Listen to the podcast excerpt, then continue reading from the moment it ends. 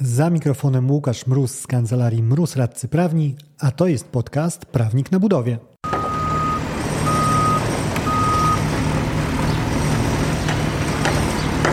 Z tej strony mikrofonu radca prawny Łukasz Mróz, prawnik na budowie. Zanim zaczniemy, chciałem Cię serdecznie zaprosić na najbliższe szkolenia Akademia Kontraktów Budowlanych, konkretnie szkolenie umowy budowlane 3.0, czyli dwudniowe szkolenie obejmujące wszystko, co interesujące w umowach. Spotykamy się już na dwóch pewnych terminach 17-18 lutego w Warszawie oraz 17-18 marca w Szczecinie. Organizujemy jeszcze termin w Poznaniu i w Katowicach, ale tutaj konkretów jeszcze nie mam. W każdym razie opis szkolenia znajdziesz w linku pod opisem tego odcinka. A jeżeli masz jakieś pytania, zapraszam do kontaktu na szkolenia małpa kancelariamroz.pl.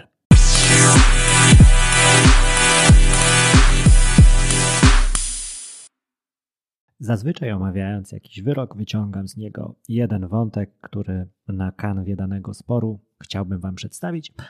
Tym razem kwestia wyroku jest o tyle ciekawa, że są tam aż cztery wątki, więc mamy kumulację do omówienia. Aspekt pierwszy, który mnie zainteresował. Sprawa bardzo typowa. Mamy kary umowne naliczone przez inwestora wykonawcy z uwagi na nieterminowość i mamy niezgadzanie się przez wykonawcę z naliczeniem tych kar z powodu tego, że według wykonawcy to inwestor przyłożył rękę i doprowadził do tego, że roboty nie mogły być zakończone w terminie. Wątek pierwszy. Umowa przewidywała procedurę dla zgłaszania problemów z możliwością wyrobienia się w terminie, i ta procedura no, nie bardzo przez wykonawcę została zachowana. Te, takie rozwiązania kontraktowe są dość popularne i często używa się w tym kontekście właśnie zastrzeżeń, że jeżeli w danym terminie czegoś mi nie zgłosisz, no to nie zgłosisz mi tego już wcale. Generalnie rozwiązania takie są dopuszczalne. Tutaj chociażby jako sztandarowy przykład, e, skąd w polskim orzecznictwie one się biorą, są kontrakty filikowskie, które zawierają takie rozwiązania e, i są możliwe do wprowadzenia, ale apeluję o to, co zresztą apelu, o co apelują sądy, rozstrzygając podobne bolączki, aby były to terminy adekwatne zarówno do, dla interesów inwestora, jak i możliwe w ogóle do wykonania z perspektywy wykonawcy. Ale przechodząc do samego problemu na gruncie no, naszego wykonawcy ukaranego za naruszenie terminu, sąd e, przyjął, przyjął następującą ocenę. Niezachowanie procedury wymaganej w umowie nie może być utożsamiane z zaistnieniem przyczyn niedochowania terminu wykonania robót, za które odpowiedzialność ponosić miałby wykonawca. Umowa nie zawiera bowiem postanowień, w myśl których Niepodjęcie takich czynności notyfika notyfikacyjnych informujących skutkować miałoby zmianą odpowiedzialności wykonawcy za uchybienie terminowi wykonania inwestycji.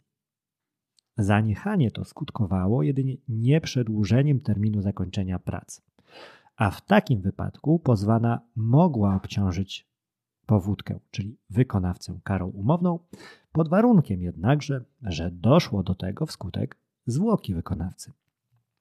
I to jest rzecz, którą podkreślam często i co do której trzeba mieć y, jasność. Jeżeli mamy postanowienia umowy, które przewidują podstawy zmiany, to sam fakt tego, że nie zostały one odpalone, nie oznacza, że mamy automatycznie podstawę do obciążenia wykonawcy karą umowną. Będzie to prowadziło jak najbardziej do tego, że doszło do uchybienia terminowi zakończenia robót, bo cóż, daty nie zmieniliśmy, kalendarz nieubłaganie biegł dalej, więc zakończenie będzie miało miejsce po dacie wpisanej w umowie, ponieważ data ta nie została przesunięta. Nie znaczy to jednak z automatu, że otwiera się okno do ukarania za ten stan wykonawcy, ponieważ takie rozwiązanie to jest zupełnie inne pole niż w ogóle kwestia kar umownych. Z uwagi właśnie na to, może jak najbardziej wykonawca bronić się tym, że winy w nieterminowości nie ponosi, bo klasycznym układzie to właśnie zawiniona, zawinione opóźnienie, zawiniona nieterminowość jest podstawą do obciążenia wykonawcy karami. W to, że kara umowna, nawet zapisana za opóźnienie, wcale nie musi być karą za opóźnienie, brnąć nie będę. W kilku odcinkach już o tym mówiłem, więc zostawmy ten temat. Z tej perspektywy, to co jest interesujące, wchodząc na konkretny przykład, jeżeli umowa zawiera postanowienie, że może być termin e, realizacji robót zmieniony w przypadku wystąpienia niekorzystnych warunków atmosferycznych w postaci powiedzmy temperatury poniżej x stopni. I temperatury takie wystąpiły, no ale jakoś nie doszło do podpisania tego aneksu, nie bardzo chciał się na to zgodzić inwestor.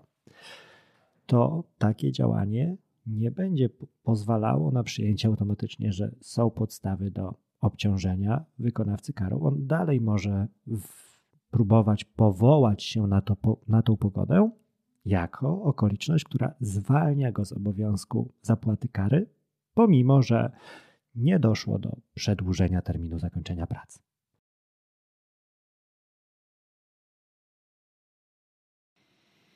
Wątek numer dwa. Choć tak układając na podium, wydaje mi się, że postawiłbym go nad tym, który omawiałem poprzednio, bo jest y, rzeczą ciekawą, praktyczną, która mnie osobiście też chodziła po głowie już kilkukrotnie. Mamy zarówno w przepisach, jak i często w umowach obowiązek zawiadomienia, raportowania inwestorowi o tym, że wystąpiły jakieś fakapy. I kwestia, którą tutaj rozważał e, sąd i którą podnosił inwestor, że on takiej formalnej informacji nie dostał. Sęk w tym, że informacje, które miałby dostać, dotyczyły okoliczności, którą doskonale znał, ponieważ dotyczyły problemów z dokumentacją, którą sam inwestor opracowywał, musiał poprawiać projekty, dodawać troszkę papieru. W związku z tym to nie było coś, co dzieje się gdzieś tam w odmętach placu budowy, na który inwestor nie zagląda, ale to była rzecz, którą doskonale e, miał w spektrum swojego postrzegania. I jak sąd podszedł do takiego argumentu inwestora? Sąd podszedł do tego następująco. Z ustaleń sądu okręgowego wynika, że kwestia zaistniałych przeszkód w terminowym realizowaniu inwestycji była doskonale znana obu uczestnikom procesu budowlanego, a ani zapisy umowy, ani przywołany przez inwestora przepis artykuł 651 KC nie dają podstaw do wnioskowania, że niedokonanie formalnego zawiadomienia skutkuje zwłoką wykonawcy i automatycznie daje podstawy do obciążenia jej karą umowną. Brak jest podstaw do stawiania tezy, że gdyby w sposób formalny wykonawca powiadomił inwestora o zaistniałych przeszkodach, to w jakikolwiek sposób wpłynęłoby to na możliwość zachowania terminu przy wykonywaniu umowy. Dwie ważne rzeczy tutaj. Po pierwsze, w przepisie nie, nie da się wyczytać tego, według sądu, że e, sam fakt, że nie powiadomiłem o czymś w terminie, automatycznie wskazuje, że jest po mojej stronie zwłoka wynikająca z, z tego niepowiadomienia i że na moich barkach leżą okoliczności tego, że inwestycja toczyć się będzie przez czas dłuższy niż zakładaliśmy podpisując umowę. Tutaj sąd też podkreśla, że umowa nie wskazuje na, na, takie rozwiązanie, co daje furtkę do odwrócenia tego e, rozumowania na zasadzie, że no cóż, gdyby umowa jednak wskazywała, to byłoby większe pole manewru ze strony inwestora. I tu wracamy do tego, o czym mówiłem przy poprzednim punkcie, czyli wpisywaniu sobie, że mamy jakiś deadline na przekazanie informacji pod rygorem takim, że ona przekazana skutecznie już nie będzie mogła być po tym deadline.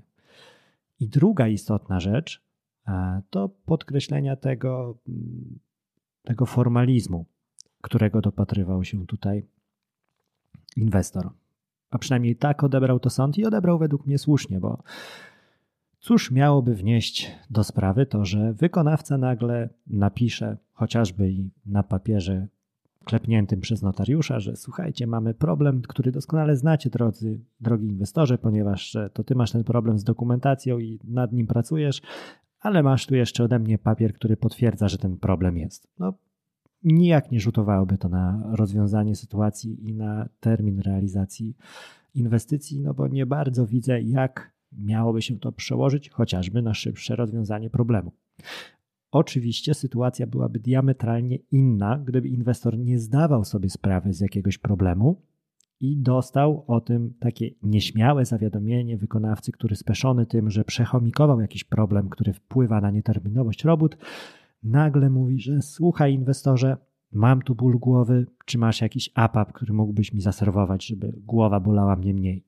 Bo w takim przypadku, jeżeli potrzebne byłoby współdziałanie na linii inwestor wykonawca, no to jak najbardziej takie nieterminowe zawiadomienie o problemie, z którego nie zdawał sobie sprawy inwestor, powinno spadać na barki wykonawcy. I tu nie miałbym najmniejszych problemów, żeby przyjmować i podpisać się pod tym, że za ten okres trzeba mówić o tym, że kary powinny być wykonawcy naliczone.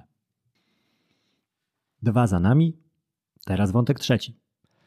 Kwestia dziennika budowy jako dokumentu urzędowego. O tym nagrałem zupełnie odrębny odcinek 116. Jeżeli interesuje Cię ten wątek, zajrzyj tam. Będziesz miał podane na tacy szerokie wyjaśnienie tego problemu. Tutaj sąd nie pochylał się w ogóle nad tym, czy dziennik budowy jest dokumentem urzędowym, czy też nie, ale pochylił się nad inną praktyczną rzeczą, ponieważ znowu inwestor wyciągnął dziennik budowy, położył go przed sobą i mówi tak: Wysoki sądzie, jeżeli wystąpiły jakieś przeszkody, które wpływały na termin realizacji robót, to one niechybnie powinny znaleźć się w dzienniku budowy, bo temu przecież ten dokument służy, żeby dokumentować, jak proces budowlany przebiegał. W związku z tym proszę wykonawcę o to, żeby wskazał mi palcem, na której stronie, w którym miejscu są dokonane te wpisy. Co? Nie ma? Ach, no cóż, wysoki sądzie, rozstrzygnięcie właściwe jest oczywiste. Siadam i czekam na korzystny wyrok. Nie tędy droga. E, sąd znowu wskazał, no, że idziemy tutaj mocno formalistycznie, ale nawet nie to było głównym clue jego argumentacji. On wyciągnął broń żelaznej logiki i zastosował ją w sposób następujący. Na marginesie zaś sąd apelacyjny wskazuje, że w myśl artykułu 244 Kodeksu Postępowania Cywilnego dokument urzędowy stanowi jedynie dowód tego, co zostało w nim urzędowo zaświadczone, a nie tego, czego w nim nie zaświadczono. Zatem zarzut inwestora w okolicznościach sprawy i wobec treści, czy też braku określonych treści dziennika budowy nie może odnieść zamierzonego przez inwestora skutku. Innymi słowy, sąd mówi, że drogi inwestorze, to jeżeli w ogóle szliśmy, byśmy szli w tym kierunku, to można by mówić, że jeżeli coś jest zapisane, no okej, okay, to jest jak na kamiennej tablicy, ale nie możemy odwracać tutaj argumentacji w ten sposób, że skoro zapisane nie jest, to się nie zdarzyło. Z tego faktu, że nie zapisano, wynika jedynie tego, że to, że nie zapisano. Żadnej mocy dowodowej ja tutaj jako sąd nie widzę, e, więc to zupełnie e, nie tędy droga i nie jest tak, że jeżeli coś nie trafi do dziennika budowy, to znaczy, że się nie wydarzyło i podnoszone być nie może. Wręcz przeciwnie, jak najbardziej można wskazywać, że no okej, okay, wpis nie został dokonany, ale chociażby składamy papiery z IMIGW pokazujące, jaka była pogoda w danym okresie, który jest dla nas sporny. I finiszujemy punktem czwartym, ale w żadnym wypadku nie najmniej istotnym. Bardzo ładny wątek czegoś, co sąd tak zgrabnie ujął jako ratalne przesyłanie wykonawcy dokumentacji. Czyli ta nasza znana i lubiana praktyka tego, takie dozowanie wykonawcy ekscytacji, dozowanie mu wiadomości i przyjemności, przez to, że dobra, słuchajcie, mamy jakieś tam papiery na chwilę zawarcia umowy, to jest ten komplet, podpisujcie ten dokument, wchodźcie na robotę, a my w międzyczasie tutaj to będzie się rysowało, a jak się narysuje, to zostanie wam przekazane. Każdy chyba zna. Wystąpiło też w tej sprawie ta sytuacja co ciekawe, wystąpiła na naprawdę bardzo przyzwoitą skalę, ponieważ e, była przekazywana dokumentacja właściwie przez cały czas trwania umowy, czyli na, na bieżąco coś tam się rysowało. W umowie wprost zaznaczono termin, do którego dokumenty projektowe mają trafić do wykonawcy.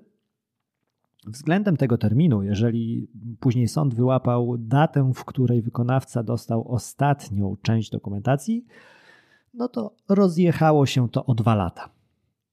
Czyli tego dawkowania przyjemności no było całkiem sporo i wywodził tutaj wykonawca, że no, no był to problem, który realnie wpływał na moje opóźnienia i który powinien zdjąć z moich barków ciężar tych opóźnień. I e, w takiej sytuacji inwestor mówi, że nie, nie, to zupełnie nie tak. Proszę mi pokaż wykonawco, E, znowu, wpis w dzienniku budowy, gdzie masz wpisane, że masz chociażby wstrzymanie robót, dlatego że nie masz dokumentacji pozwalającej na prowadzenie pracy. No bo znowu też weźmy pod uwagę poprawkę na praktykę i to, że na jakimś tam roboczej wersji gdzieś przesyłanej się robi, bo robić trzeba i później ma się pojawić ta wersja z podpisem.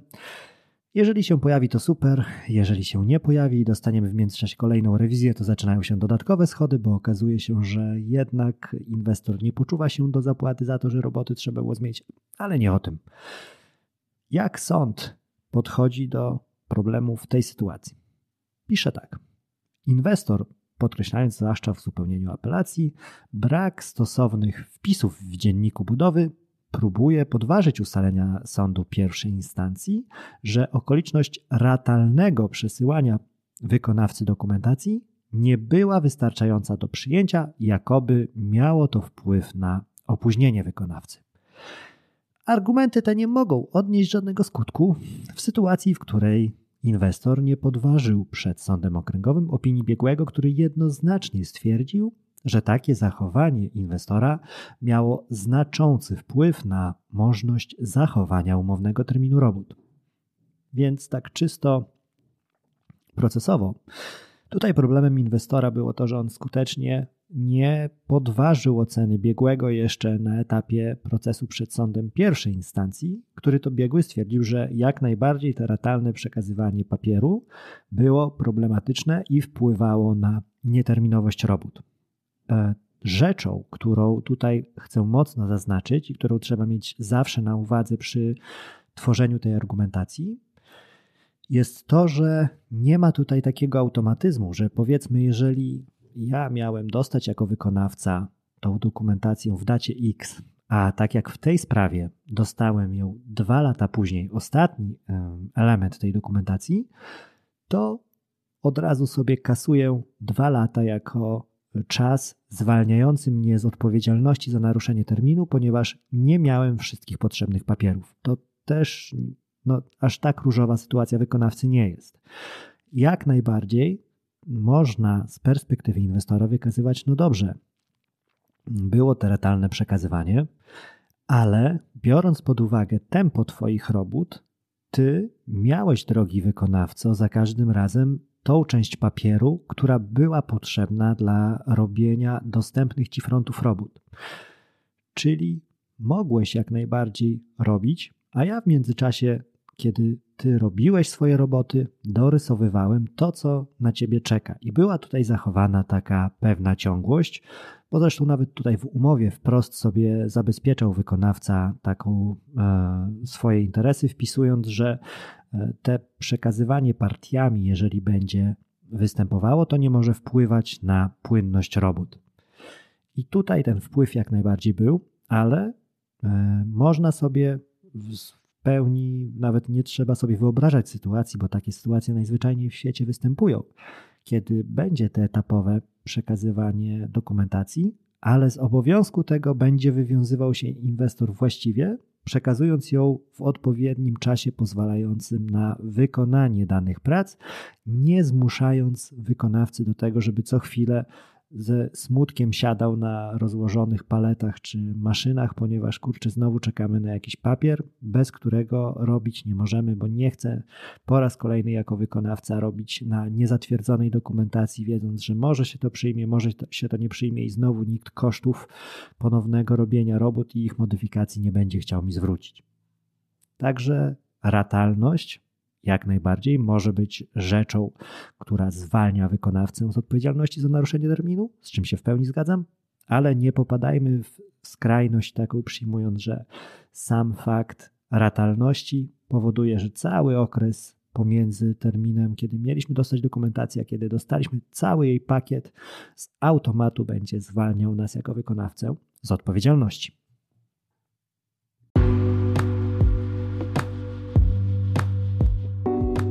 Dzięki za odsłuchanie tego odcinka. Zasubskrybuj podcast, żeby nie umknęło Ci żadne kolejne nagranie.